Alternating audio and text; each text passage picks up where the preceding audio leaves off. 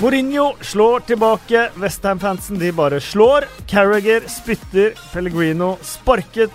England skjelver, og David Silva bare vinner. I tillegg skal vi ha alle de eh, faste spaltene vi er så eh, vant med. Eh, og før vi går i gang, så har jeg også litt lyst til å reklamere litt for den neste podkasten som eh, kommer. Og du kan stille spørsmål allerede nå, for da kommer tidenes første nordmann i engelsk fotball, Einar Jan Aas, spilte under Brian Clough og skal fortelle alle historiene fra den gangen. Men til å fortelle historier i dag, eller kanskje ikke fortelle historier, men i hvert fall diskutere, så har vi Premier League-kommentator Espen Ven tilbake. Velkommen. Tusen, tusen takk.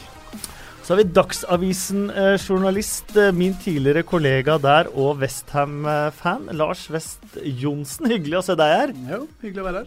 Og kun til Arsenal-delen så har vi TV 2NO-sjef Tore Rørtveit. Hallo. Hallo! Helt fra Bergen. helt fra Bergen. Du kommer helt fra Colombia, Lars. Kommer helt fra Colombia. Og Carlos Valeramas hjemby, Santa Marta. Jetlagd? Som faen. uh, vi begynner, tenker jeg, med uh, storkampen uh, på, på, Old Trafford. Manchester United slo Liverpool 2-1. Marcus Rashford av alle nasjonaliteter som var på banen der. Det var ikke få, var det 11 nasjonaliteter, eller var det flere? 14, Så, 14 nasjonaliteter. Så var det altså han eh, lokale som eh, skulle, skulle avgjøre. Og hvis du er Hvis du er Liverpool-fan, så eh, spol nå ti sekunder framover. Ah, knackers. United beat Liverpool 2-1. Hello, Cork's biggest Liverpool fan. Choosy. Quick question. Where was Salah? And the money, money. And the Bobby for me, no. You didn't even score your goal. But that doesn't matter, Eric, because we've got Rashford. yes, Marcus Rashford. Mancunian Pele. Mancunian Pelé. Tror du det var sånn Manchester United-supporterne følte seg endelig nå, Espen? Det kan være det. De mista jo den eh, hvite Pelé i Rooney forrige sommer, så nå har de fått en Mancunian eh, Pelé. Ja, ekstatiske scener og kanskje sånn i forhold til eh, Eller med tanke på klubben, da. Stemningen, atmosfæren som var i den matchen, det syns jeg var, var, veldig, veldig bra. Det var trøkk hele veien, og at det er han, den, han egne gutten da, som gjør det i et sånt oppgjør, det det er selvfølgelig stort uh, for, uh, for United-supporterne. Marius Grastveit uh, skriver på Twitter. Vi er der med um, Du kan bruke hashtag 2plpod, eller du kan ta direkte kontakt med oss på 2plpod. Men han skriver i hvert fall Hva har Premier League-studio hos TV2 og Frank de Boer til felles? De har ikke gjort hjemmeleksa si.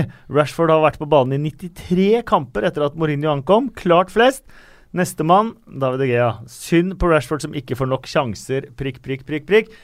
Statistikk kan leses hvordan uh, man uh, vil. Uh, jeg kan ta med da at dette var Marcus Rashford sin første start etter nyttår i ja, Premier League. Siden Boxing Day. Og ja.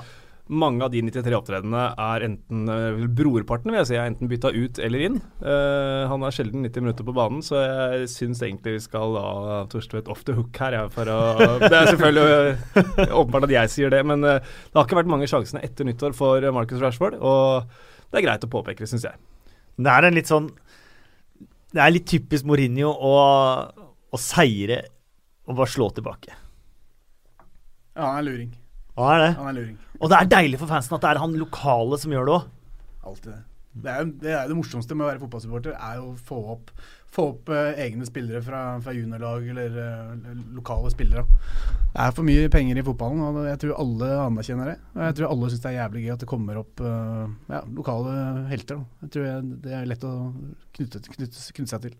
Og som Marius Grastveit skriver, så nevner han Frank de Boer. For Frank de Boer Han øh, mente jo at øh, Mourinho kanskje ikke var rette til å utvikle Marcus Rashford. Øh, så da slo jo Mourinho tilbake på kjent Mourinho-vis. I read a quote from the worst manager in the history of Premier League, Frank de Boer.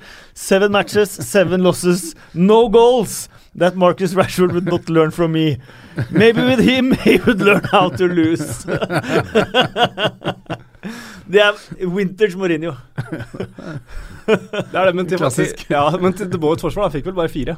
Han fikk bare ja, fire. ja, det var det mitt neste også. Og jeg tror Mourinho gjorde den feilen litt med vilje. Mm. Så det høres litt uh, verre ut enn det er. Eh, men Mourinho er jo, nå er jo Mourinho på gang igjen. Uh, koste seg på Sellers Park her for et par uker siden. Smilet var tilbake når han skulle sparke den flaska og unnskyld, unnskyld, unnskyld. Og, nei. Jeg syns Mourinho er nærmer seg der vi, eller kanskje jeg, da, ønsker å, at han skal være. Med litt glimt i øyet og, og sånn. Sirkusdirektør. Ja. Skikkelig. Eh, men han kritiserte også litt egne fans. Mm. Eh, Scott McTominay fikk gjennomgå litt etter matchen på Sellers Park. Der ble han bytta ut i pause. Og så fikk han gjennomgå litt når han eh, kjørte en eh, tilbakespillspasning der eh, hjemmefan mange i hvert fall mente han burde gå for en kontring. Eh, Mourinho svarte selvfølgelig med at eh, McTominay kan langt mer fotball enn eh, fansen på Old eh, Trafford. Eh, og det har vært, Jeg er veldig enig med Mourinho her. da, at eh, Når du får opp en ung gutt, du kan ikke forvente at han skal levere på det øverste nivået i 90 minutter i hver eneste, eneste kamp. Og så spilte han dårlig mot uh, Sellers Park. Du kan ikke avskrive han uh, for det. Han var stor mot Liverpool. Ja, men jeg syns også Jeg skjønner Old Trafford-publikummet også. Jeg tror ikke det nødvendigvis har så mye med at det er Scott McTominay å gjøre. Det er, eh, det er en kontringsfase der. Altså, så blir man jo gjerne litt sånn romantisk, og i gode gamle dager så ville United feid fram og prøvd å skåre nummer tre der, men sånn er det ikke under Mourinho. Så jeg, jeg, eh, jeg er litt eh, delt der. Jeg tror ikke det er McTominay som person som får den store kritikken her, det er mer handlingen. Som jo fotballfaglig og for å vinne kampen er riktig, men, eh, men hjemmepublikum vil jo Det er jo attack, attack, attack det går på. Eh, og så eh, har Michael Carrick da takket eh, for seg. De siste tolv årene har han tilbrakt i Manchester United. Det er en lang karriere som eh, kommer til en eh, ende. Han har vunnet en haug av eh, trofeer, og han er en Westham-gutt. Han er det. Han er vel egentlig ikke Westham-gutt heller, men det var der han slo gjennom. men uh, vi liker å se på han som en Westham-gutt, absolutt. Uh, vi skulle gjerne hatt han tilbake. Vi prøvde vel for et par sesonger siden å få han, få han hjem igjen, men uh, han gjorde vel klokt i å bli i United, tror jeg. Men han har aldri vært en som har stjålet de store overskriftene, men en som alltid har nytt respekt uansett. Ja, absolutt. Uh, han blei vel en sesong lenger enn han trengte å være i, i Westham i sin tid også. Han blei jo med ned. Uh, Kjempa i championship for å få laget opp igjen. Uh, I motsetning til eh, noen av hans eh, samtidige. Det var litt et Westham-lag. Bare sånn Apropos Glenn Roders rykka ned, var det ikke det? Oh, Og han hadde Defoe, han hadde Kanoté, han hadde Repka. James Han hadde David James! Det må være det beste laget som noen gang har rykka ned fra Premier League. Kan vi ikke snakke om noe hyggelig? ja, det, var- ja, hvis de rykka ned med 42 poeng. Uh, det er Ja. vel ingen andre klubber som hadde rykka ned med så mange poeng uh, i banken. Ja, det laget var eh, Altså, vi blei snakka om som serievinnere den sesongen, husker jeg. Og var høye som eh, fjell. Eh, men så gikk alt gærent. Uh, problemet var at vi ikke hadde midtstoppere. Uh, vi hadde Daly og Repka. Uh, det var ikke godt nok. Christian Daly, ja. Husker han? han skulle aldri spilt på et topplag. I hvert fall ikke i England. Jeg skal sies at jeg faktisk vant ligaen det året med Westham på mitt championship Ikke sant? Ikke med det laget. Mm. Nei, det er, det, det er jævlig minner, faktisk. For det, det, er, er gjenganger over, over øl, det laget der. Det, det skulle ikke være mulig å rykke ned med. Glenn Roder han har vel ikke egentlig vist i etterkant heller at uh, han eh, nødvendigvis kunne gjøre de store tingene. Men uh, over 300 kamper for Manchester United endte også Carrick med. Endte vel opp, Han har en plass som legende i, i klubben nå. Skal inn i trenerapparatet antageligvis fra neste sesong. Jeg leste var vel om et av neste var BBC, tror jeg, som Mr. Underrated legger opp. Og det syns jeg er en veldig god beskrivelse av Michael Carrick. Eh, som jeg Altså, man snakker ofte om anerkjennelse og hei, Chris Huton og sånt noe, men uh, Michael Carrick uh, tror jeg i klubben har den anerkjennelsen uh, han fortjener.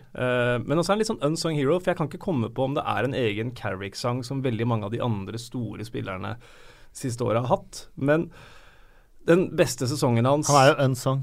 Han er jo unsung. Han, ja, han blir jo det, da. Nå er det ikke noe, det er noe jeg ikke tok da. Unsung hero som ikke har egen sang. Ja, ja, ja. ja. ok, stating the obvious. Ja, da blir det det. Det kan ha vært noe sånn Michael Carey klapp, klapp, klapp innimellom, men uh, ikke noe sånn Skål-sang eller noe sånt. Men uh, var det 2013 sist United vant? Da ble jo han kåra til beste spilleren i klubben. Uh, Van Persie stjal vel de fleste overskriftene, men uh, alle er skjønt enige med at det var Michael Carricks store, store sesong hvor han sto fram. Da. Og så, det er sikkert sagt mange ganger før også, hadde Michael Carrick fått flere enn 34 landskamper, så tror jeg England hadde gjort det bedre også. I den generasjonen med Gerard, Lampard, eh, hvor de ikke klarte å komponere det.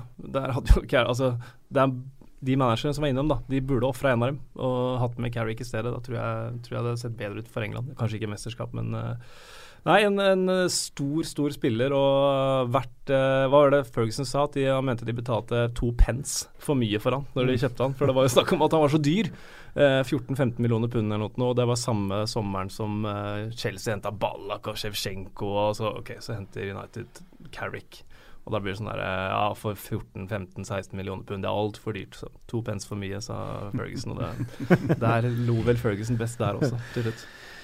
Vi nevnte at du var her, Tore Rørtveit. Eh, du kommer fra et møte og skal i et uh, møte. Busy uh, mann med å gjøre TV2.no uh, skråstrek sport. Eh, til Og det er landets beste nettsted. Selvfølgelig. Selvfølgelig. Eh, men du har din spesialkompetanse på eh, Ja, nå er det grått hår eh, med Arsenal. Eh, Arsenal vant 3-0 nå. Eh, men det så nesten ut som en lynmatch, eh, den kampen der også. Ja, ja. Nei, det var um, eh, Invitasjonen var egentlig bare Tore, kan du komme og snakke om Arsenal, da? Så jeg er litt sånn Hvor god tid har du egentlig? Hva, Her har vi all tid i, i verden. Du må sette mikrofonen litt nærmere munnen, Sonja. Eh, hvordan kan vi tolke det at det ikke, ikke er folk der lenger? Er det på en måte det som blir den siste spikeren i Wenger-kista? Jeg satt og, um, satt og funderte litt her på, på flyet over, da. For det er jo en, en diskusjon som fort blir lang. Uh, like lang som uh, Ikke like lang som Wengers tid i, um, i, i Arsenal, men det er klart at det, det har jo Jeg, jeg, jeg satt liksom og prøvde å skulle på en måte oppsummere, da. På en måte, altså, finne et eller annet bilde på situasjonen. Og det nærmeste jeg kom, var på en måte eh, Altså, det har vært det, det, det som å våkne etter en lang eh, Altså, du våkner på natten etter en fuktig fest. sant? Du har, du har hatt det vanvittig gøy. Eh, Wenger er en legende. Eh, men så, men så, så våkner du, og, og på et eller annet tidspunkt eh, Musikken står fortsatt på på festen. sant? Det, og en sånn, en sånn vakker musikk har blitt til en sånn trance. Sånn eh, grusom eh, greie. Og du våkner med hodet med skallebank. og altså det det, det er helt eh, Det er helt eh, Det er forferdelig, altså. Men jeg, jeg har jo et sånt forhold til Wenger, hvis jeg kan si det. Jeg er godt gift, men jeg har, eh, jeg har jo et forhold til Wenger på si som er Det er vanskelig å gi helt slipp på da, som Arsenal-fan. Fordi han har, han har gjort så mye fantastisk for den klubben, på alle måter. Det var mannen som kom inn og innførte diett, liksom. Altså Det er så basic ting som We man tar for gitt nå. our Mars bars back. Det er så sang de i bussen i starten. Spillerne. Så, men det, men det men jeg, altså jeg har jo på en måte Nå har han på en måte Han har jo mistet meg, da. Så selv om vi nå flørter med, med seier på Seier mot Milan og, og seier i ligaen igjen, så er det liksom Jeg tror dessverre, for å være litt negativ, at det er et sånt siste mm, krampetrekning, da. At, at Jeg lurer på om det er internt også at folk vet at Wenger på en måte gir seg etter sesongen. Det, det er det eneste rasjonelle jeg kan komme på. Han, han, han er ferdig. Og så, så er det en siste krampetrekning for en måte å eh, komme i land decently denne sesongen her. Og selvfølgelig, du kan jo selvfølgelig kvalle til en Champions League via Europaliga. Det ville vært en fantastisk triumf for han. Sant? Avslutte med et europaligatrofé, etterlate klubben i Champions League og si takk for seg. Ja, sant. Men det, men det for Da min bør avslutte med en fjerdeplass, syns jeg. Syns det hadde vært riktigst. det, det, kan du jo, det kan du jo håpe på. For å si det, sånn. det, det skjer ikke. Men, eh, men, eh, men eh, det er liksom Han mistet meg litt der. Det var vel Liverpool-kampen. Han mistet meg egentlig for, for godt, på en måte. Da, da han, han spilte vel Chamberlain på, på venstrebekken der, i, og så endte han jo opp med å selge han eh, dager etterpå. Så det, det var en grusom kamp i tillegg. Det, men, men, men, men ja, det der Wenger-forholdet er komplisert, altså. Så jeg klarer liksom ikke å gi helt slipp på han. Du blir liksom litt glad i han igjen etter, eh, etter eh, Milan-kampen. sant? Fy faen, han spiller bra fotball.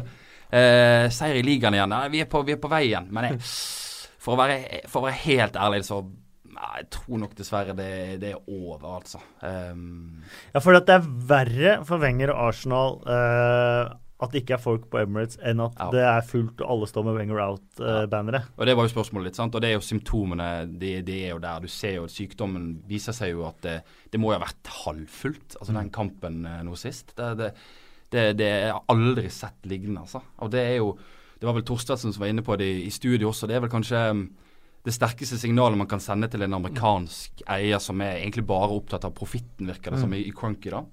Eh, at eh, hvis, det, hvis ølsalget stuper og, og, um, og, og det ser generelt det, altså merchandisen, altså produktet ser dårlig ut på TV, da, så er det kanskje det som faktisk gjør at han, at han eh, foretar seg noe. Um, for um, nei, det, det er trist å se, da. Eh, dessverre. Men eh, slo Milan, som du var inne på, har Mhm. alle muligheter til å gå videre. Eh, og så var det jo fryktelig vondt, både for Arsenals supportere, Wenger, spillere, da Troy Dini snakka om cojones eh, etter hjemmeseieren. Og deiligere kunne det vel egentlig ikke ha blitt at han bomma på straffen. Nei, det var Og så Petter Cech redda straffe, da. Ja, Det er det sykeste. etter å ha sluppet inn 15 strake som Arsenal-keeper. Jeg har en sånn Chelsea-fans på desken i Bergen. Sant? De påstår jo at har reddet straffe før. Eh, Jeg nekter jo å tro det. Jeg har fortsatt ikke sett det. Visstnok. Men han reddet den straffen. Det er det sykeste jeg har sett. Altså Jeg trodde mannen aldri skulle redde en straffe i sin Arsenal-karriere. da Jeg trodde han, han kunne jo forlatt klubben i sommer og ikke reddet en straffe. liksom Det kunne fint skjedd. Så det var, det var, var magisk. Det Da er man sultefòra på oppturer, tenker Ja, jeg. er jo det. Men altså, vi er 33 poeng bak City, altså. Ja, ja, Så det er liksom eh, For en klubb som har ambisjoner Wenger har jo ambisjoner om å vinne ting. ja, ja. Det er et stykke, da. Men han er jo på overtid. Jeg tenker at den Diskusjonen har jo gått i fem år. Hva er han har på styret, tenker jeg. Hva er han har på mm. eier og sånn? Det Han må jo vite et eller annet uh, Han sitter på noen videoer.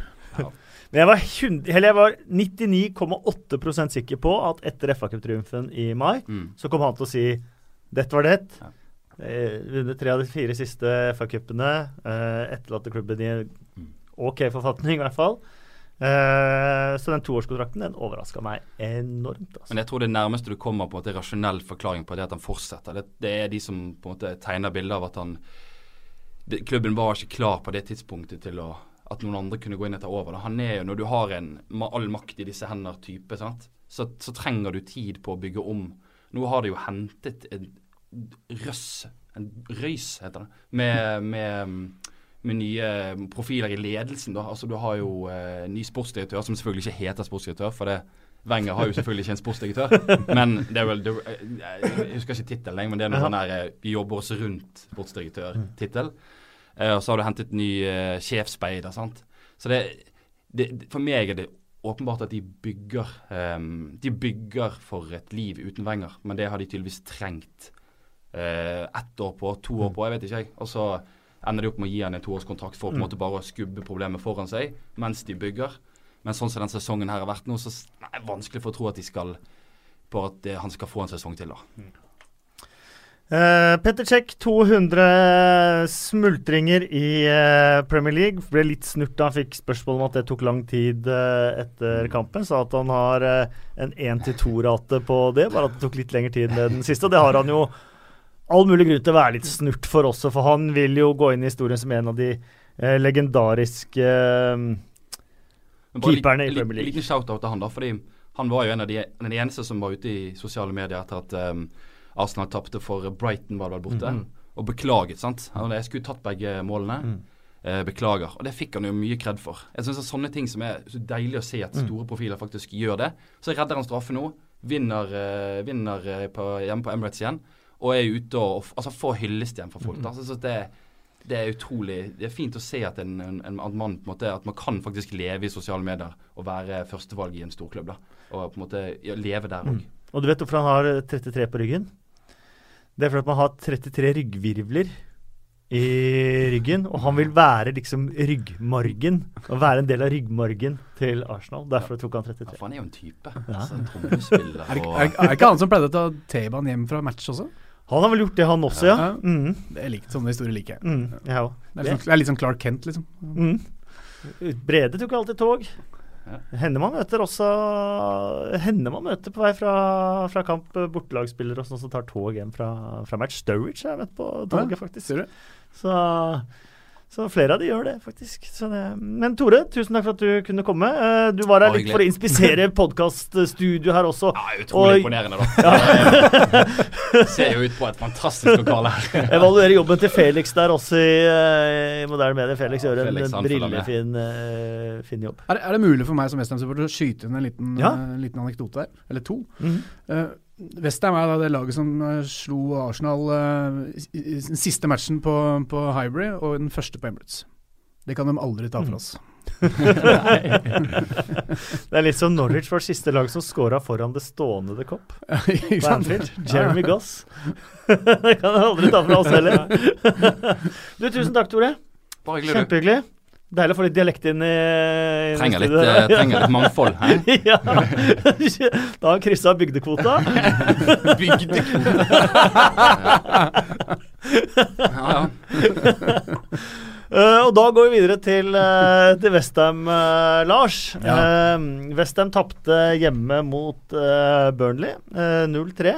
Um, de ligger tre poeng over nedrykksrekken. De har sluppet inn elleve mål på de tre siste kampene. Eh, de er på en arena og et stadion de aldri har følt seg helt eh, hjemme. Det var meldt demonstrasjoner før kampen mot eh, Burnley. Ingen visste bare helt hva. eh, de er stort sett uenige om hva de skal protestere mot, og i hvilken form blant supporterne. Også mitt inntrykk det er stadion, det er det sportslige, det er eierne, det er det nye klubbemblemet. Det er veldig mye å protestere, protestere mot. Eh, så jeg vil jo gjerne vite litt om hva er essensen, essensen her, da. Nei, Essensen er jo en, egentlig en uh, pakt med djevelen. Uh, essensen er at de har bytta Det Westham Support har gjort, er at de bytta bort stadionet sin, Upton Park. En legendarisk uh, stadion øst i London, hvor de har holdt, hatt, som har vært Westhams hjem egentlig alltid, i 100 år. Det har de på en måte akseptert i bytte mot sportslig suksess. Uh, de, de tok uh, Flyttinga til, til London Stadium uh, var vondt for alle. Men så har alle liksom Ok, vi får en stadion til milliardbeløp. eh, løfte de penga sjøl er vanskelig. Så har folk akseptert det, at vi kommer til, til London stadion. Eh, men når den sportslige suksessen uteblir, så faller korthuset sammen, rett og slett. For eh, Gold og Sullivan, som er eierne av Westham. Så hadde Westham holdt på Paillet, fortsatt det som var på gang i 2015-2016-sesongen, så hadde aldri dette vært en problemstilling. Så det er jo mangelen på Og en del av uh, medgiften som eierne ga supporterne og de liksom Vi selger unna Upton Park og flytter inn på Olympiastadion. Det var jo at vi skulle bruke mye mer penger på spillere. Eh, dette er et bytte vi gjør. Eh, og det de har brukt nå, er vel ca. 30 millioner pund netto.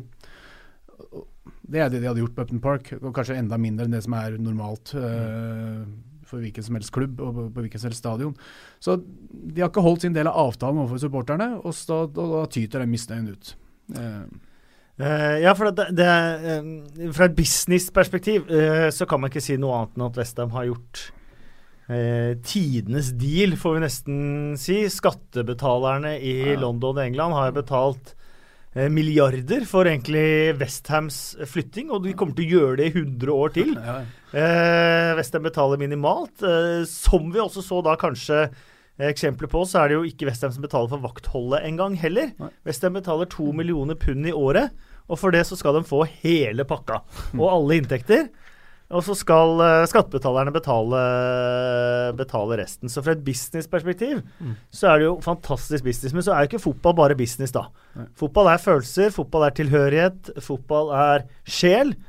Um, uh, og sjel fins ikke på Ny arenaen. Så ærlig må vi nesten være. Jeg har vært der. Det, det fins ikke atmosfære der. eh, Og det er nesten ikke mulig å lage atmosfære der. Det er kanskje problemet, for det er veldig mange mennesker der.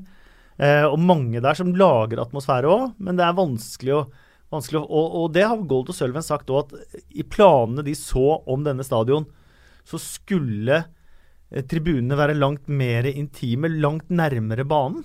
Mm. Det var, eh, jeg tror det var den første tegningen som ble vist supporterne, da Vi var holdt møter og informasjonsmøter osv. Så, videre. så Så var det nok en annen pakke de ble presentert. Um, uh, men, men Nei, det, liksom, det, tar, det tar tid å liksom, bo seg inn på en ny stadion. Alle klubber som flytter, eh, opplever det. Uh, men, med, men med Westham så har det vært ikke bare at man bytta stadion, man har, byttet, man har prøvd å bytte identitet på klubben. Um, man har flytta den ut fra et område hvor de har holdt til i 100 år. Uh, Westham er kanskje den London-klubben som har sterkest lokal tilhørighet. Mm. Liksom Chelsea, Arsenal, Tottenham. De fly, supporterne flyter litt rundt i byen. Westham-supportere de er østkantfolk. Uh, nå er jo fortsatt stadion i østkanten av London, men man har liksom rykka dem ut fra hjemmet sitt uh, og, og dytta dem inn på en stadion av glass og stål og betong. Uh, og så har de også prøvd å, prøvd å skifte identiteten på klubben.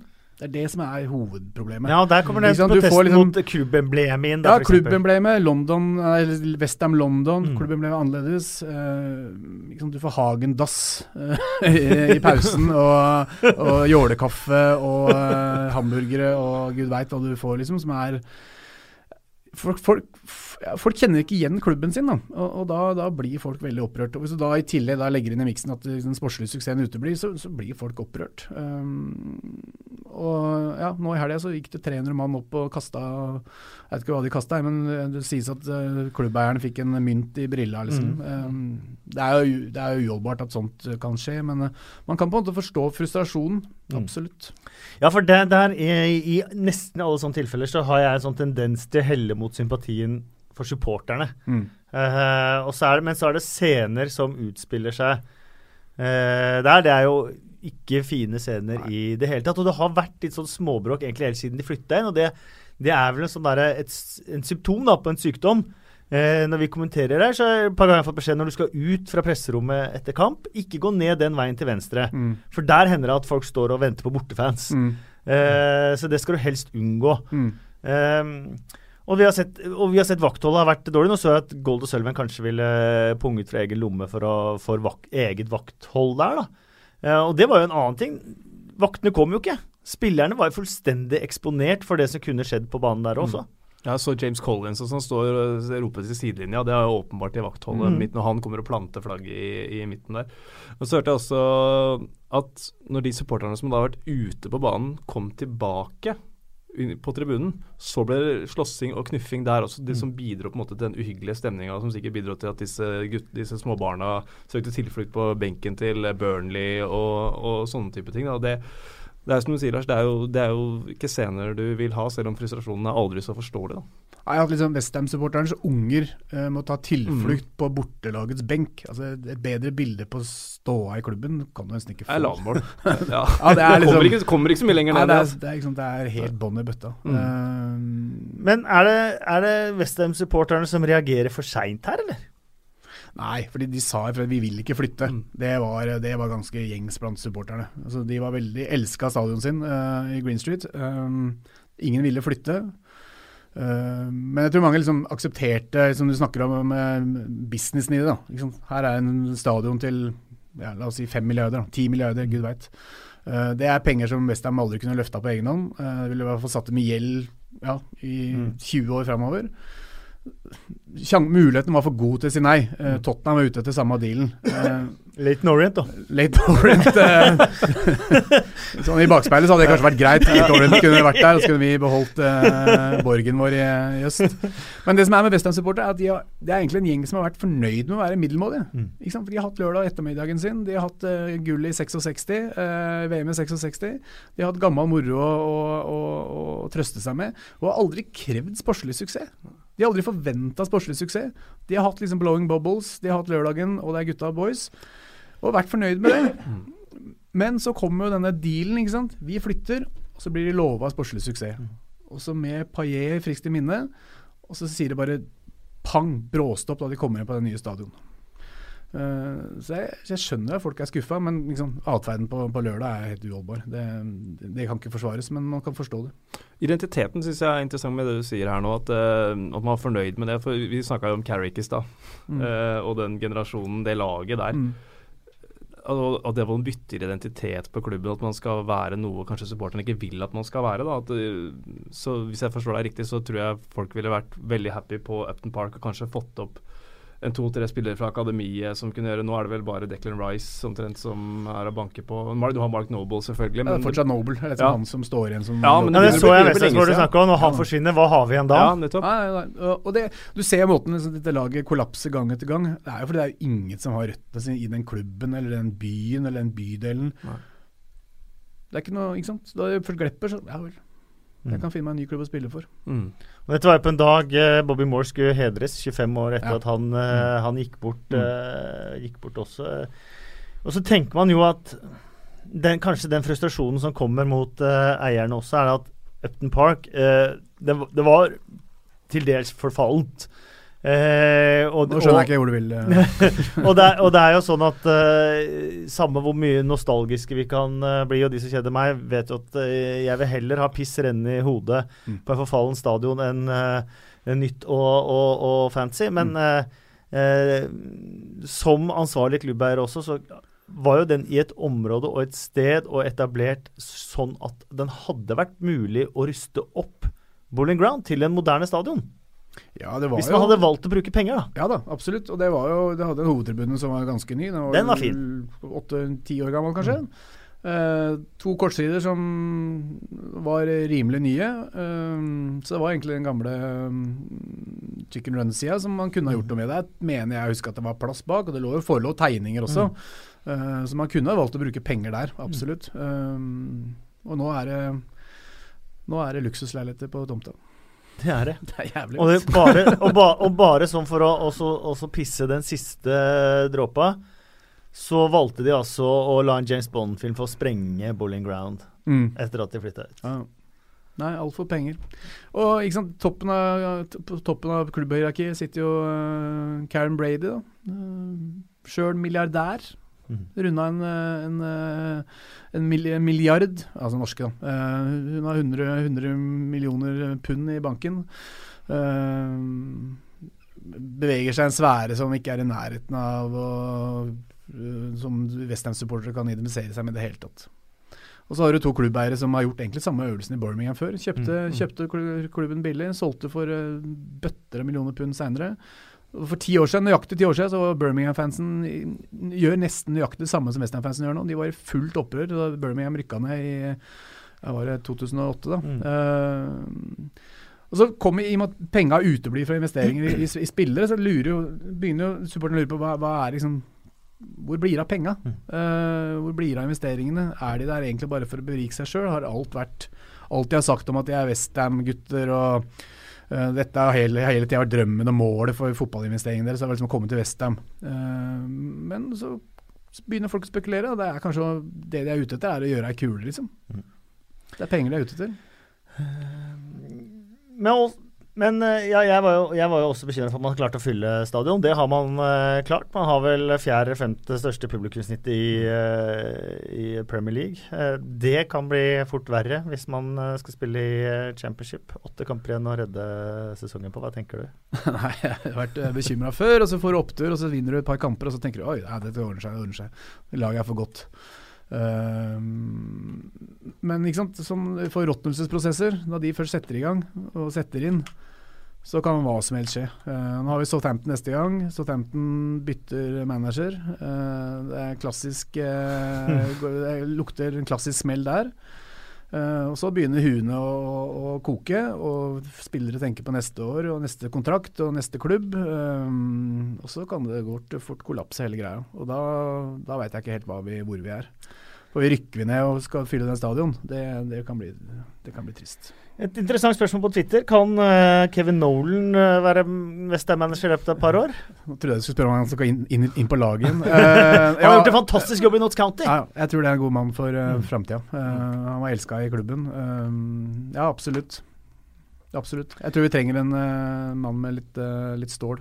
Nei, det må jo på en måte litt, samme typen, da, men jeg, jeg tror kanskje David Moyes kan, kan fortsatt være en mann, men uh, han har jo virker som han har mista det igjen nå, da, med, med tre rake tap og mot to mm, dumpekandidater. Vi Røyk på 4-1 mot uh, Swansea, uh, hvor en av spillerne vi solgte, Ayu, uh, herja. Også to- en assist. spesiell type business å selge til en nedrykksrival. Ja, ja, det, ja.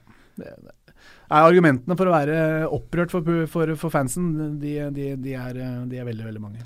Så vi forsvarer på ingen måte oppførsel, men eh, at den kan forstås, det er det ingen, ingen tvil om. Men vi må videre. eh, Også til oppførsel som ikke kan eh, forsvares, på en måte. Eh, Jamie Carriger satt blid og fornøyd i regnværet, eller blid og fornøyd var han vel antageligvis ikke. Eh, han satt vel og irriterte seg både over rushtrafikk, regn og en idiot i bilen ved siden av som eh, ikke ga slipp på å drive og pese han. Til slutt fikk han nok. Spytta ut av eh, ruta eh, mot eh, denne fyren som kjørte ved siden av han og filma og slang meldinger til han.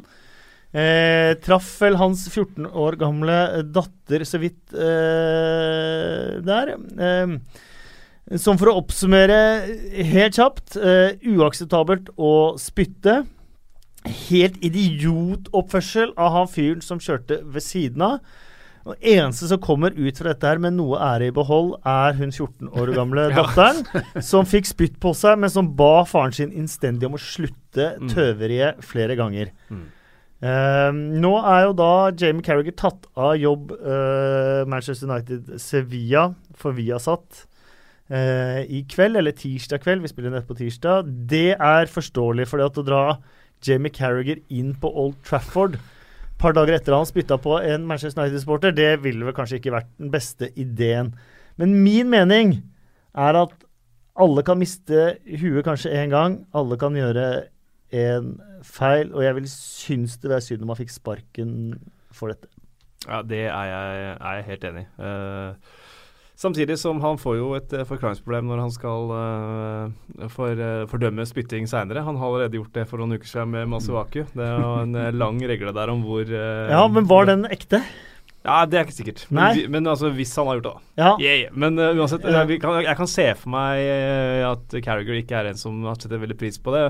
Det, som, altså, det blir kanskje litt på sida, men det er jo et enormt hvor mye spytt Det var veldig mye spilt. Helt utrolig! uh, og til hans forsvar så sa han vel at han ikke så at jenta satt der, og det kan jeg vel egentlig godt forstå, hvis hun sitter tilbakelent, kanskje litt sånn uh, så, Men altså, det, igjen, da, som eh, fansen ja, ikke men, forsvarer, men men man spytter ikke. Det gjør vi man ikke ikke. Uh, og det gjelder uh, både på bilen ved siden av, uh, på fyren du ikke liker på byen, eller på han som har takla deg på fotballbanen. Eh, samtidig så har det vært spytteepisoder, f.eks. Eh, på fotballbanen. Det har vært seks kamper karantene. Mm. Eh, og det høres ut som passende straff for Carriager òg, syns jeg. Ja, altså In the heat of the moment, liksom. Han, han, han gjør det dumt. Han har lagt seg så flat som det er Mm, mulig å legge seg, så vidt jeg har kan ha sett, i hvert fall. Eller har sett. Så eh, nei, vi får, uh, vi får tilgi det. Uh, men uh, ikke glemme. Nei, for det er noe med det. Ja. For hvis han gjør det igjen, Ja, ja, det vil jo gi, gi være en helt annen situasjon. Mm. Eh, på en måte, det, da, da er det jo da, Det er litt sånn Suárez med bitinga, liksom. Eh, når han biter for tredje gang der, så tenker Men, men jeg, det, jeg tenker at Som en voksen mann sjøl, så tenker jeg det er, det er et pussig instinkt å spille. Ja, Veldig veldig. pussig instinkt. Altså, kanskje dunke den bilen i sida med neven, liksom. Eh, nå, jeg, nå holder det. Nå vet ikke om den bilen kjørte jævla fort, men, men liksom Spytte, det er liksom Det er veldig smått, altså. Det er veldig tåpelig og barnslig. Mm, det er det. Eh, Men et yrkesforbud, det kvalifiserer ikke til. Nei, Men, det eh, syns ikke jeg heller. Det er jeg helt enig i. Da har vi, eh, da har vi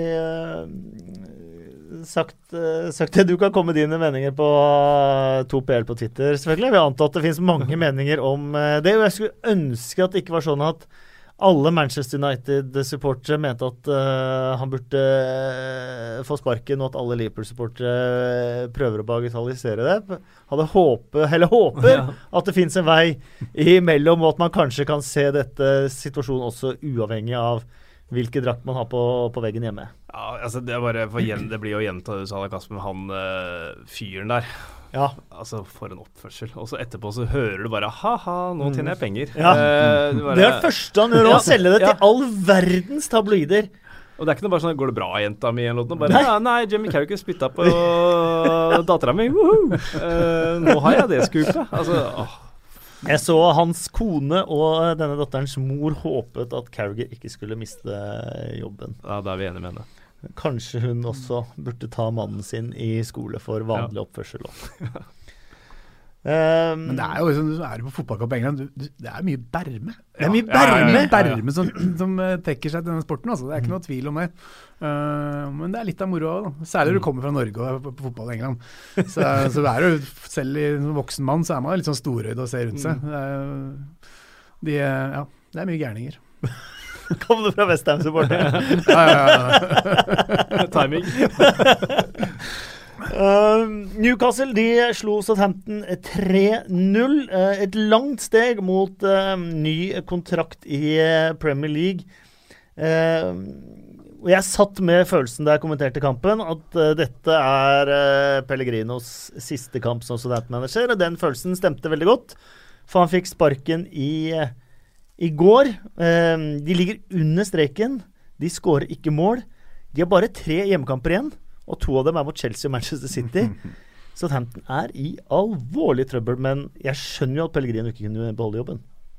Ja, det var sjanseløst. Uh, og da er det sånn Hvorfor ble ikke det her gjort uh, før? Altså Det var et par ganger der, nå husker jeg ikke akkurat hvor i sesongen, hvor de, hvor de fikk, et, fikk et godt resultat, og så var det bare rett ned igjen i neste, neste runde. Og jeg syns ikke, syns ikke Jeg syns Pellegrino har fått eh, overkant mye tid på å gjøre noe med dette her, og De har jo de har sett ufarlige ut hele sesongen. Det er ingen som kan skåre mål. Det, til å begynne med, første halvdelen så skapte de en del sjanser, og sånt, men det er ingen som omsatte det. Men det, og det, det, det er liksom gitt opp, føler jeg. Det, nei, det, det er synd hvis vi skal miste en klubb som Southampton i Premier League, men det ser fryktelig sykt ut nå. altså.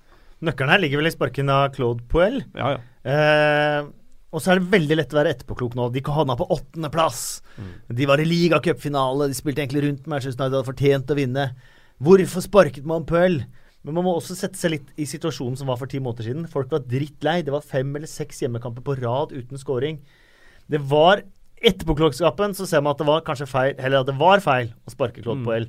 Men hvis man skal prøve å se tilbake der man var da, så kan man forstå at det så veldig grått ut, og at man kanskje tenkte på noe annet.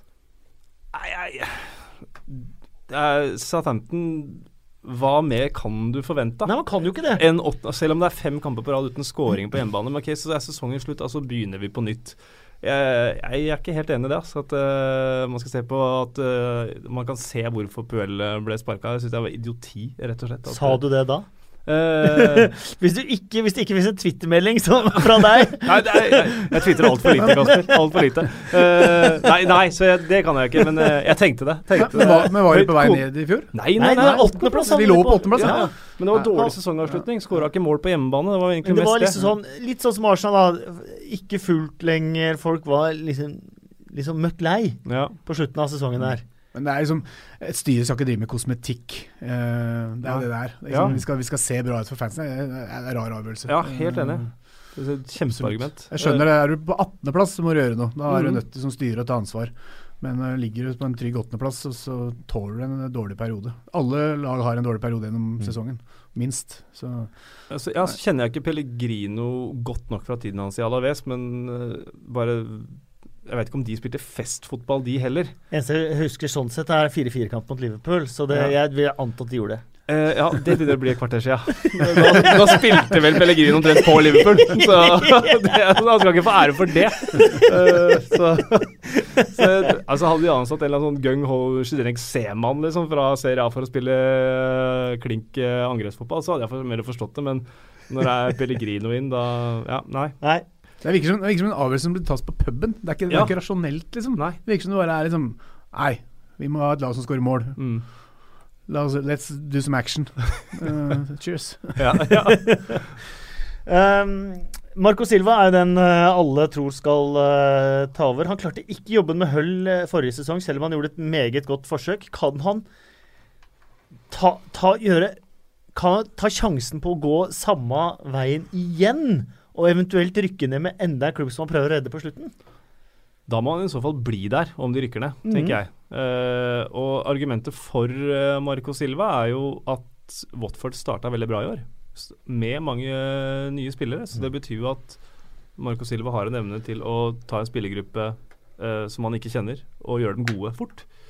Eh, og de gjorde jo til dels det med Hull også, selv om eh, de ikke Defi definitivt. Ja. For, for meg så ville Marco Silva vært en no-brainer om jeg var Southampton-sjef. Ja, Jeg tenker mer på hva Marco Silva tenker om en ny sånn der redningsoperasjon som da eventuelt ikke Ja. går. Ja, men så har han jo skutt seg sjøl litt i foten nå, da, med den flørtinga med Everton, og så skar det seg. Så Mm. ryktet har jo fått seg en liten, eller det er en liten ripe i lakken der, eh, som han kan rette opp. og når du tenker sånn, sånn fotball som Marco Silva står for, og klubb, som Southampton, så er det jo match made in heaven sånn sett, da. Eh, men jeg tror hvis han tar over, så må han bli med dem ned også, og så tar dem opp igjen. Det- Jeg vet ikke hvordan disse managerne rasjonaliserer avgjørelsene sine, men det, det er vel en sign-on-fee, og det er, mm. det er et lag til på CV-en. eh, det er butikk også. Hvis han ikke venter på å få Everton til sommeren allikevel, da. Eh, Det ene utelukker ikke det andre, kanskje. Nei. Nei, Nei, kanskje eh. David Moyes er vel i ferd med å rykke ned med Premier League-klubb nummer to, samtidig som ikke kontrakten hans med Manchester United har gått ut ennå. Var det noen sånn twittermelding jeg så?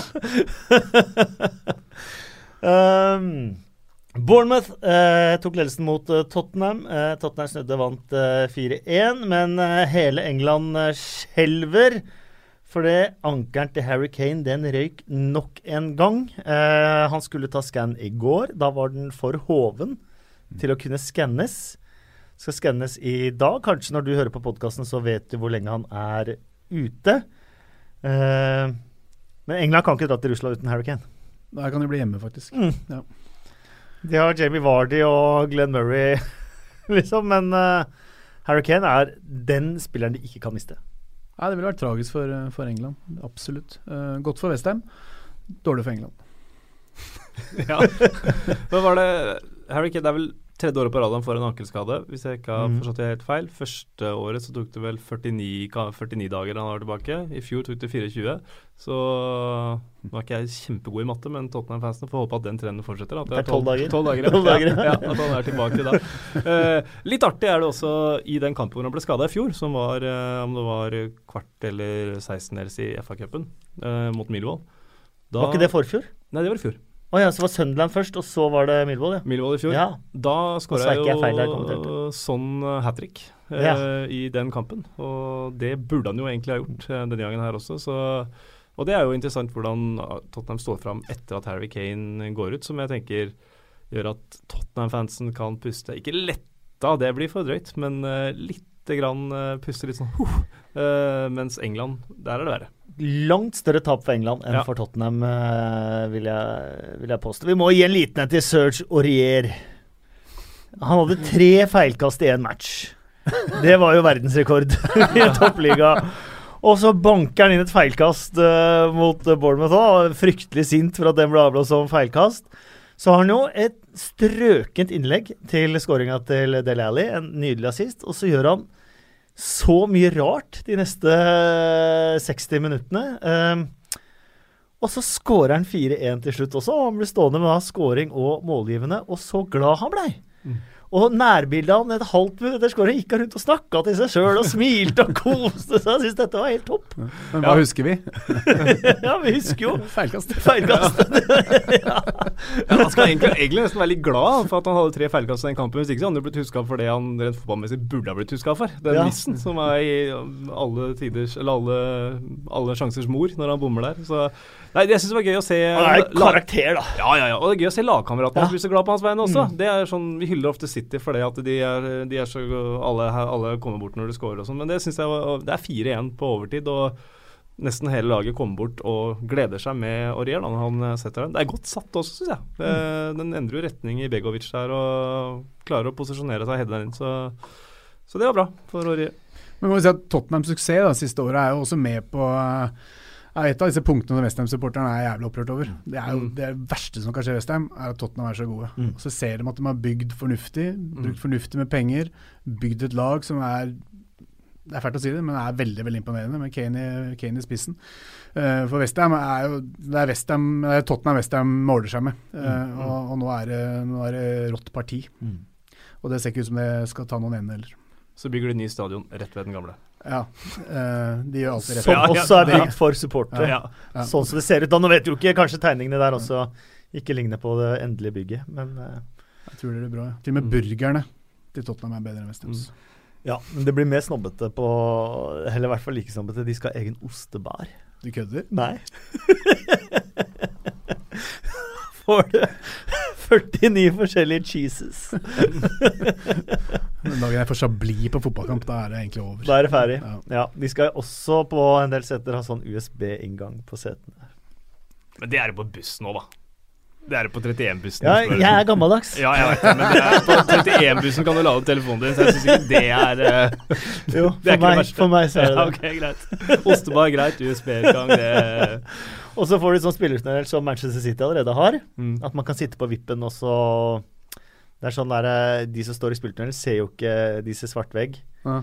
Men det er sånn politiet har, vet du. Sånn, ja. Ja, sånn at man kan se gjennom. Sånn at du kan sitte på vippen der og så se spillerne inn i spillertunnelen. Wow. Ja, Du vet at det er det på Manchester City?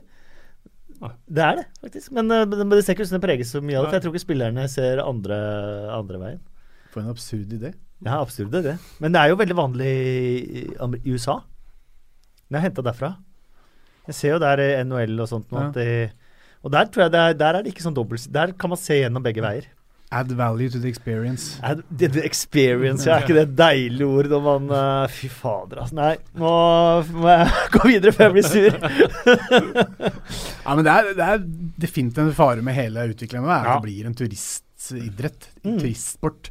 Og det er jo noe av det kjipe med liksom, intensjonen om å flytte Westham til, til Olympiastadion, er jo at man skulle Man var nærmere? Man, man var togtur unna Leicester Square. Da kunne folk være på, på, på musical på kvelden og så gå på fotball på dagen. Mm. Uh, på samme togruta, nesten. Uh, så ja. Der har du kynismen. Mm. Eh, Stoke, Manchester City. Eh, Manchester City vant greit eh, 2-0. Skal ikke snakke altfor mye om det, annet enn at de har 16 poeng. De kan ta ligamesterskapet hjemme mot Manchester United om de vinner Manchester-derbyet eh, om noen uker. Det vil jo være grusomt for Manchester United og deres supportere, vil jeg anta. Eh, men de slipper i hvert fall at Manchester, United, Manchester City vinner eh, seriemesterskapet før det, så de må stå æresvakt. Det hadde vel antakeligvis ikke gjort uansett. Eh, men vi må ta med David Silva. Han har vært gjennom eh, kriser eh, på hjemmebane. Han forteller at det går bedre. Det er fantastisk å høre. Han har skåra to mål. eh, og han har vunnet og dette, her, dette er ganske vilt. Han har vunnet sine 22 siste Premier League-kamper. Ja, det er vilt. Det er galt. Mm. Eh, er det så imponerende? Han spiller på City. Ja, City har ikke vunnet sine 22 siste Premier League-kamper. Ja, Han har ikke spilt noen av tapene, noen av avgjortene i Premier League. Nei, ja, ja. ja, det er pent. Mhm. Ja, ja. Han har bare vært med på seierne. Han må jo komme på årets lag. Ja, det, de gjør jo ikke det. David Silva eller Aguero Ja, men Men dette har vi vært innom han 100 ganger på, på podkasten før, men jeg er helt enig. Ja, jeg er helt han enig. Han ble kåra til årets spiller i Manchester City forrige sesong for første gang. Mm. Um, vi går videre til um, uh, Alexander Sørloth. Eh, han skulle fått skåringa si. Du kommenterte matchen eh, mot eh, Chelsea. Chelsea vant 2-1 til slutt. Det ble jo spennende. Det hadde blitt enda mer spennende om Sørloth hadde skåra på den som gikk i stolpen. Ja. Og- Annullerte målet jo. ja, det er jo helt absurd. Det var bra satt. Ja, det var veldig bra satt. Ja. Eh, fryktelig dømt. Eh, det kule med det var jo Det var vi jo inne på under matchen også, at eh, når Hodgson tar av en spiss, så er det Benteke som ryker. Mm. eh, og Saha kommer inn. Eh, og det tror jeg er eh, litt sånn statement of intent fra Hodgson, at uh, Sørloth uh, Saha, det er uh, spissparet mitt. Uh, jeg syns ikke det var noe i den andre gangen som kunne tilsi at det ikke skal være det. Jeg jeg syns de fant hverandre bra. Jeg syns Sørloth igjen Nei, Selvfølgelig litt med norske briller, som jeg ikke har på meg de akkurat nå. Så syns jeg han var god, altså. Jeg syns han gjør de, de få gangene han får involveringer, så syns han gjør fornuftige ting stort sett hver gang og beveger seg bra.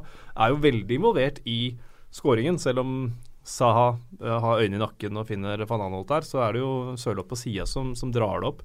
Eh, kanskje mangler litt kyla når han får den sjansen eh, og dunker den i stolpen, men to centimeter lenger til høyre, og så tenker vi ah, kontant istedenfor Ja. for uh, mangler kyla, liksom. Eh, så det er, det er som marginer, da. Ja. Eh, men ny, god kamp av Sørloth, men nå må skåringen snart komme òg, for det er jo fire kamper. Men det er mot Tottenham, mot Manchester United og mot Chelsea. Mm. Og Everton borte. Selv om Everton ikke er all verden i år, så er det tøffe matcher. Så Det nå det. kommer jo lakmustesten når det begynner å dra seg. Det vel Huddersfield neste gang, og så er det Liverpool, og så tror jeg det her kampprogrammet er litt snillere for Palace. Tony Cascarino skriver i sin spalte i The Times, så han tar på fem snakkiser fra runden, at nå er det på tide å vrake Benteke og Mm. spille Sørloth. Ja. Det er, eh, det, ja, det er jo anerkjennelse fra en som Mm. skåra veldig mye mål Mm.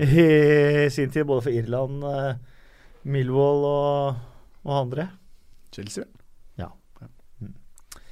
Uh, vi skal dele ut uh, blomster Nei, du, du, du kom jo inn her i studio i stad før vi gikk på sending, Espen. Så nå er det så mye å prate om! Nå. Vi kommer til å sitte to timer! Uh, så Nei, da lurer jeg på kaktus og blomster. hva er, hva er det jeg har glemt? Er, er det noe her nå, før vi kommer Ja. til kaktusen og blomstene, som Ja, ja, ja, du absolutt må snakke om? Skuddstatistikken. Huddersfield Swansea. Ok, Den er vill. den brant du inne med. Den brant jeg inne med. uh, vi kan starte på starten. da. Eh, Jordan Ayu får rødt kort i duellen med Jonathan Hogg. De burde hatt rødt begge to, uh, fordi de stempler hverandre. Men uh, jeg tror Ayu får den fordi han er først inne. Og da, Det var vel fire minutter eller 14 minutter eller noe nå. Så da Elleve. 11, ja. Skal vi se, jeg klarte ikke å komme imellom der. eller? Ja, det skal det. Først er nerdeprogram, så Ja, ja, ja. Jeg er helt enig. Og da blir det jo ryggen mot veggen da, for uh, Carvos, uh, Carlos Carvalhal og Swansea. Um, Skuddstatistikk snakker vi gjerne om i hockey, men uh, det her var hockeysifre for det ene laget og ikke sifre på det andre. 30-0 i avslutninger til Huddersfield. 30-0. Eh, og så var det mange null i corner og masse null i crosses. Én. Nei, Swansea hadde én. Et innlegg. Det var det de hadde. Huddersfields keeper Jonas Løssel tok vel til Twitter for å skryte av, eller rose, Lukas Fabianski på Ja. den andre siden. Det er stort. Ja, det er stort. Og Carvalhal It's a happy point. Ja. It's a happy point. Jeg tror han nevnte Epic òg, ja. Epic. Happy point, Epic. Så han fortsetter å levere fra Ah, uke til uke. Han er fin. Ja, det er imponerende det han har gjort med Swansea. Altså. Ja. Fordi hadde jeg egentlig avskrevet til Mm. jul. Da, ja, òg. Helt ferdig. West Bromwich ikke veldig- ferdig. nei, veldig sterkt. Uh, Ja, og årets mål, da. Apropos Leicester. Mares Vardy. Den er sterk. Det er sterk kandidat til årets mål. Syns jeg. ja, nå må jeg tenke, faktisk. Jeg. Det er uh, Mares kan ikke eh, årets mål. Ikke Jo, jo, jo, jo, ett av dem. Uh, jeg mener det er kanskje det er mine favoritter nå. Ti meter inn på egen banehalvdel. Riyad Mahrez slår en lang ball. Vardi løper eh, Stemmer det. Også over over skuldra. Ja, bare senke skulderen her, får den over seg, og så banker på første. Blikket på ballen Ja. hele veien. Sant. Kontrollert volley i hjørnet. Hadde den gått i krysset, så hadde vi sagt ah, det er årets mål. Men, Årets mål er det ikke, Espen. Men det, var fint. det var fint. Var bedre. Hvilket, hvilket mål er bedre? Hvilket, Det er mange. Ja, det, er, det, er, ja, for mange til å nevne her nå. Nei. Det er ikke årets mål. Det er ikke årets mål. ett mål som er bedre. Nå! Det som er bedre, da. Ja, ja, da må du til championship på hvis du så James Madisons Nei, nå skal eh, ikke til championship Men og eh, nå skal vi ha i- blomster, ukjent helt, øyeblikk og kaktus. Da kan du kanskje få gi blomstene dine til uh, Vardy, da. Nei, jeg vil ikke det. Det var moro å se på. Morata var kjempegod. Hva i all. Han snakka ikke om seg sjæl, han snakka om dommeren. Jeg har, jeg har, eh, jeg har eh, kandidater selv, eh, så dere skal få velge. Jean Dyche. Eh, eh, etter elleve strake uten seier, så banker han inn to strake serier. Den sitter kanskje litt langt inne for deg. Eh, Mark Noble, for hvordan han eh, egentlig både bevarte fatningen og tok tak da det kokte som verst med supportere på, på banen. Eller Mourinho. For det han gjorde mot Liverpool. Eller Burnley-benken. Ja, jeg skal akkurat si Eller. Burnley-benken, ja. som Ja. politisk asyl til ja. å flytte med Westham-supportere. Barna deres. Jeg syns det er veldig sterkt, det. ja. Ja. Mm. Det er helt enig. Det er en mye bedre kandidat. Ja. Jeg vil gi den til Burnley-benken. Ja. Gjør det. Eh, ukjente helten. Uh, der har jeg én kandidat, og det er 14-åringen i baksetet uh, på denne videoen som ber pappaen sin om å, å holde opp med uh, idiotoppførselen sin. Ja, jeg har en uh, fotballbasert en. Ja. Sånn spillmessig, liksom. Mhm. James Tomkins.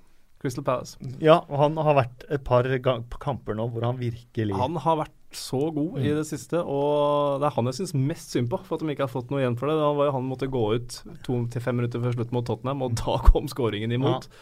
Og måten han opptrer på på Stamford Bridge nå Redninga på streken er én ting, det er, litt, det er litt flyt også, men den der i andre gang hvor han kaster seg ned med brystkassa først og blokkerer et skudd der, da Samme mot Manchester United. Ja, jeg nevnte vel uh, at man et, etterlyste Kielinis i engelsk fotball. Det syns jeg var et Kielini-moment fra Tomkins. Så han syns jeg kunne fått ukjent helt. Da gjør vi det. Du hadde igjen et bedre, bedre Kan jeg legge til at han ble pælma ut av Westham. Han gjorde det? Ja. Ja. Så, local lad, faktisk, som Mm. eh, veid har funnet for eh, lett for eh, det, det nye Westham. Ja. Uh, sett i bakspeilet så var det en eh, katastrofal feilvurdering. Mm. Ja, eh, speidet av Brede Hangeland. Mm. Mm. Anbefalt i Palace av eh, Hangeland. Jeg tror de kjøpte han fra Westham på Hangelands anbefaling. Eh, rundens øyeblikk. Har du hatt eh, kaktus? den, den kommer. Oh, ja. Ja, kaktus til slutt. Vi tar det negative. Ja, ja, okay, ja, ja. ja, ja. Eh, jeg syns jo det er et øyeblikk når han står med cornerflagget i, eh, i eh, midtsirkelen der. Eh, David Silva sin scoring. Eh, Rashford sin scoring, Mm. eh, egentlig begge. Og Sørloths stolpetreff er mine kandidater til, til rundens øyeblikk. Han er som henter cornerflagget på, på Western Burnley. Det var en 61 år gammel forretningsmann fra, fra østkanten sted, som bare mista det. Mm. Og lagt seg flat og sa unnskyld. Liksom. Han blir sannsynligvis utestengt på livstid. Ja. Da. Har fulgt den klubben siden uh, 60-tallet. ikke sant? Mm. Uh, han bare mista det. Mm. Hadde ikke noen planer eller intensjoner, eller gikk ikke dit med det for øye liksom, å gjøre noe tull. Han bare mista det. Løp utpå der og plukka med seg cornerflagget. Vi husker jo uh, Graham Sunes i Tyrkia. Eh, mot. Fenerbahçe som planta flagget sitt i midtsirkelen. Og det var litt som Det så ut som var den han prøvde å etterligne. Jeg tror det er en parallell der fra tilbake på 90-tallet, hvor eh, eierne prøvde å eh, hvor også Westham-supporteren storma banen. Det var sånn, noe som het bond scheme. Man kunne betale 1000 pund for å få evige rettigheter til sesongkort. Det betyr at fattigfolk egentlig måtte betale ekstra for å få lov til å kjøpe sesongbilletter. Da ble det et uh, skikkelig ramaskrik. Og da var det en fyr som løpet på banen, jeg tror mener det var i 92, som løpet på banen, tok cornerflagget og, og spant av gårde. Jeg tror det var en slags Mm. kommentar, en parallell til uh, at vi har vært der før. da. Mm, mm, mm. Nå skjer det igjen. Har en kandidat til øyeblikk. Ja.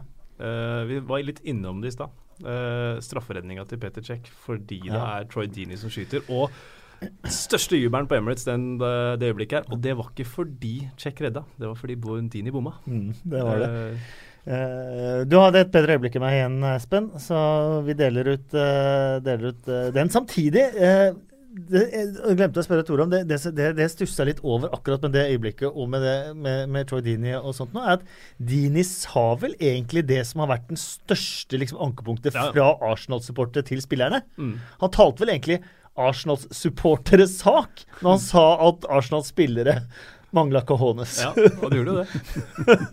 Men de kan jo ikke la det passere Det er jeg helt enig i. Kaktus, der har vi uh, altfor mange eh, kandidater. Vi har Westhams supportere. Vi har eventuelt Sullivan og Gold og Brady. Eh, vi har Jamie Carragher, eller idioten i bilen som filmer. Eh, her kan vi egentlig bare gi kaktuser over en lav sko, føler jeg. Mm. Du har kanskje enda flere kandidater? Ja, jeg har flere. Ja? Ja, ja. Eh, jeg har Oliver som gikk i to røde kort, men det er kanskje litt strengt. Eh, den vi snakka om i stad, Ayu og Hogg. Og jeg mener kaktusen burde gått til Anthony Knockart, Knockart, eller hva du vil kalle han. ja. For han den- ble sur. Ja, han ble sur, og for en takling. uh, og det er også litt sånn Jeg må jo le litt, for du så det på han. Ja, Først så blei han slått uh, luka på og lurt trill rundt. To sekunder etterpå så skal Baines klarere ballen, og midt i nesa på han. Og ut i kast. Og han fikk skikkelig vondt i trynet, liksom. Og da, da så det på hele ham at nå er jeg så sint at nå vet jeg ikke hva jeg skal gjøre av meg. Så det var på en måte istedenfor å spytte, da, Ja. så bare satt han begge knottene i leggen på, på Baines i stedet og bare gikk av banen. Faen, nå har jeg fått nok.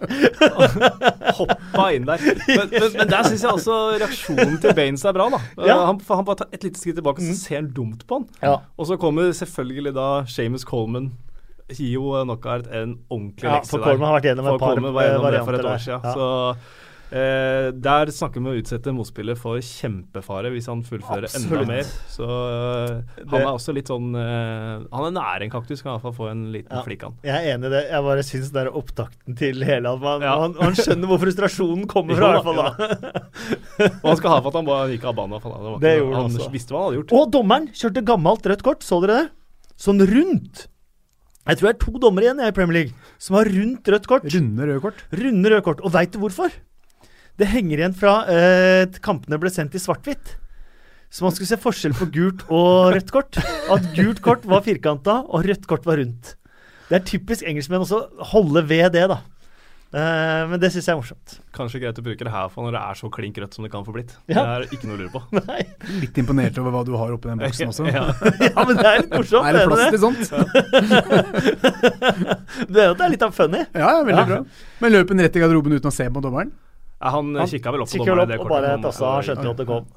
Uh. Eh, men jeg vet ikke hvor mye du har hørt på denne podkasten, og hvor mye du kjenner til Bill Edgar eh, Lars? Nei, ukjent. Uh. Ukjent, ja. Arsenals syv siste. Aldri skjedd! Første gang siden er den sjette spilleren. Fun factsene til Bill Edgar. Uh, for de som hører på podkasten, så er han et veldig kjent navn. For han har et mye galere hode sånn sett, sånn apropos, enn uh, det jeg har. Han kommer med fun facts hver mandag i The Times. Eh, noen ganger så leverer han, og noen ganger så er det litt sånn Det blir veldig perifert. Man har f.eks. den derre det, det er min, egentlig min favorittstat som jeg drar opp når eh, eh, Jeg skal forklare til nye. Det er jo eh, da eh, han eh, Andreas Weimann scora mot eh, Arsenal i serieåpninga for noen, eh, noen år siden. Så, var han, eh, så kommer da Bill Edgar med at han er den første med Arsen Wengers initialer til å score mot Arsen Wenger siden Ashley Ward for Barnsley 1997. Det er på det nivået der. og så hadde han en fin en her under OL, da Key skåra for Swansea. Så var han da den første som har skåret mens eh, landet hans har hatt vinter-OL siden Jan Åge Fjørtoft. for Swindon mot Manchester City i 94. Det er godt ut i psykiatrien. Godt ut i psykiatrien. Det var veldig bra fun facts forrige uke. Jeg husker dem ikke Ja, nå. men det, de nei, var- ikke jeg husker det men de var kjempe- fryktelig gode. Ja, det er jeg helt enig i. Han har et par eh, litt standard i starten. Eh, Chelsea, eh, etter at City vant, så kan jo ikke Chelsea lenger vinne ligaen. Niende Mm. mester på rad som ikke har klart å forsvare ligamesterskapet sitt.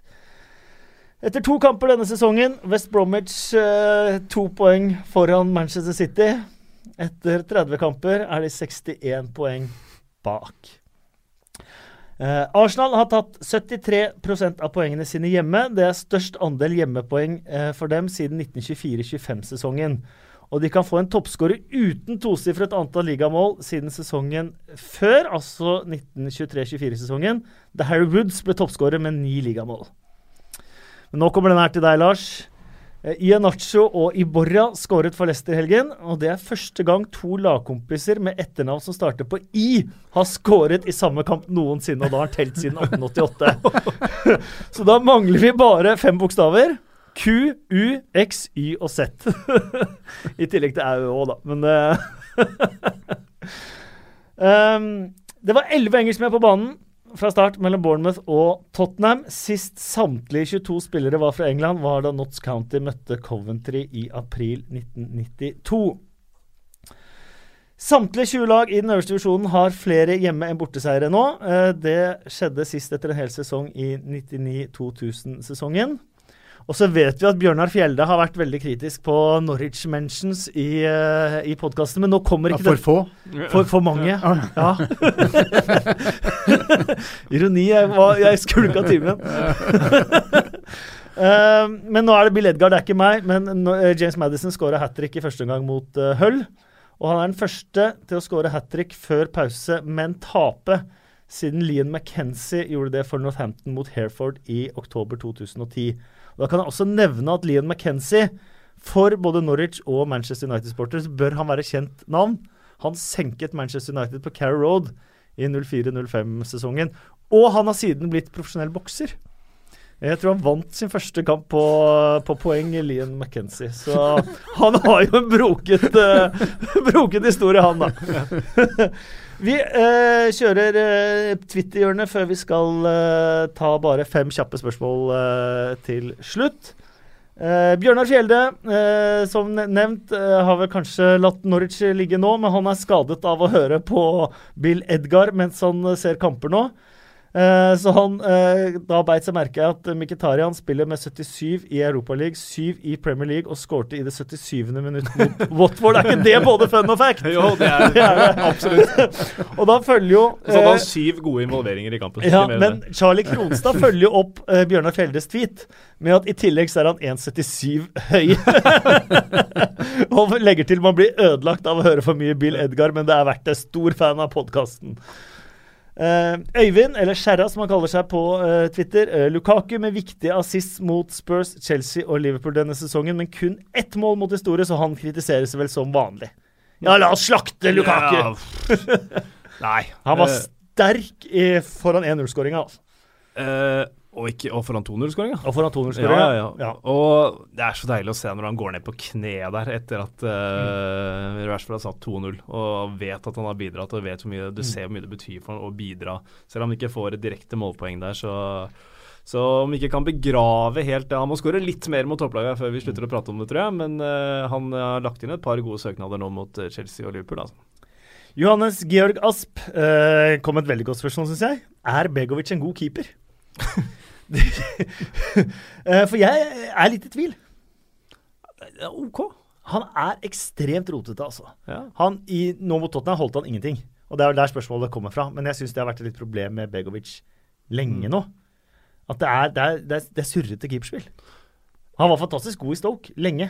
Ja, men det er lenge siden. Mm, og så blir du sittende på benken lenge i Chelsea, og da, da skjer det noe. Jeg syns han, synes han er en helt OK keeper. Synes, er ikke topp øh, 13 i Premier League.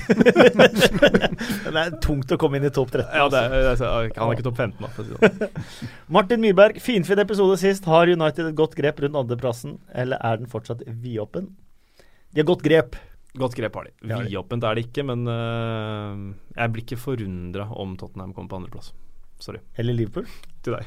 Nei, jeg har respekt for Tottenham. Jeg syns det hadde vært litt gøy. Jeg bare tenkte siden du sa det i stad, det- som Westham-supporter. Ja. Eh, nei, jeg tror ikke det blir Liverpool. Jeg tror det står mellom Tottenham og Manchester United. Den det brenner for, er jo Chelsea, med tanke på fjerdeplassen. Uh, Ja. Det tror jeg ikke går.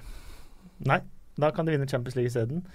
Tror ja, eh, Mina Finstad Berg hadde en uh, flott tweet etter uh, målet, målene. Uh, Aubameyang uh, assistert av Miktarian og omvendt. A match made in Dortmund.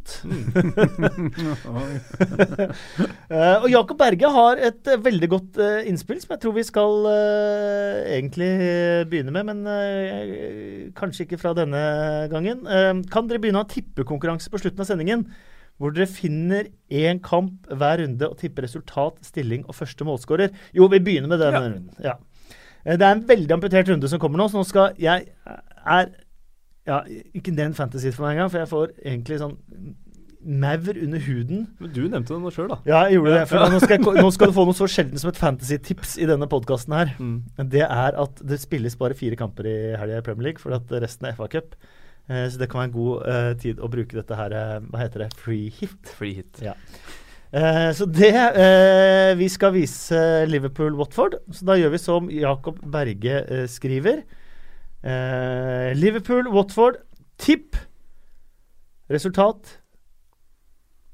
Resultat og stilling er jo samme.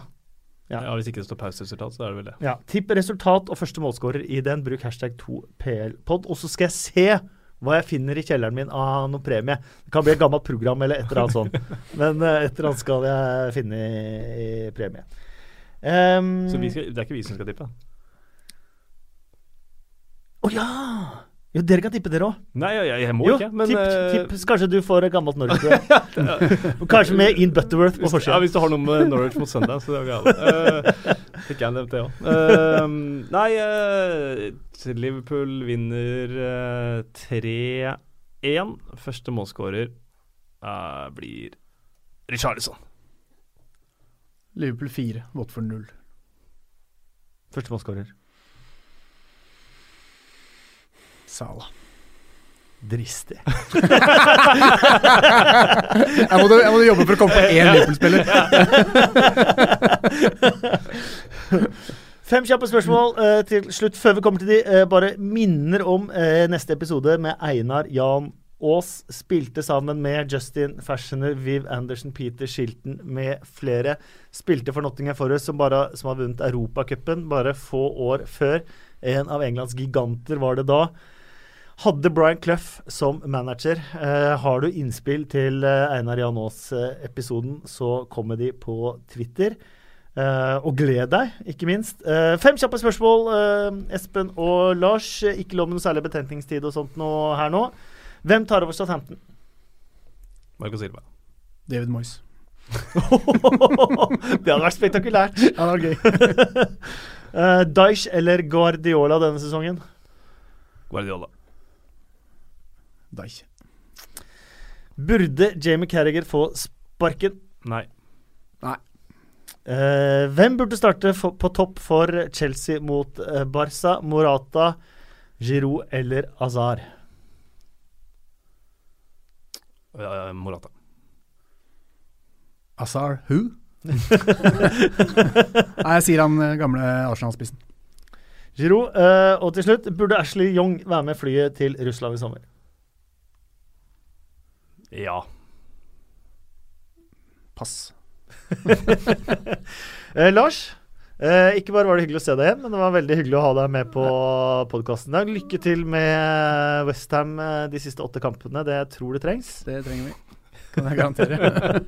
Og vi trenger et sterkt Westham i Premier League også. Ja, ja. Eh, tusen takk for at du også kom, eh, Espen. Takk. Eh, eh, lot være å nevne Sunderland eh, nå. Det er kanskje like greit? Det er kanskje like greit. Vi venter fortsatt på et mål som er bedre enn Vardy. Og har du et mål som er bedre enn Vardø denne sesongen, så tvitra alle de 25 målene eh, på Twitter. Felix, tusen takk for at du lagde episoden. Bare hyggelig. Tusen takk til eh, Moderne Media for at de lagde episoden. Gleder du deg til Einar Jan Aas kommer hit? Ja, kjempe. Husker han dominerte i sin tid? Ja da. Det er indrefilet, det, altså.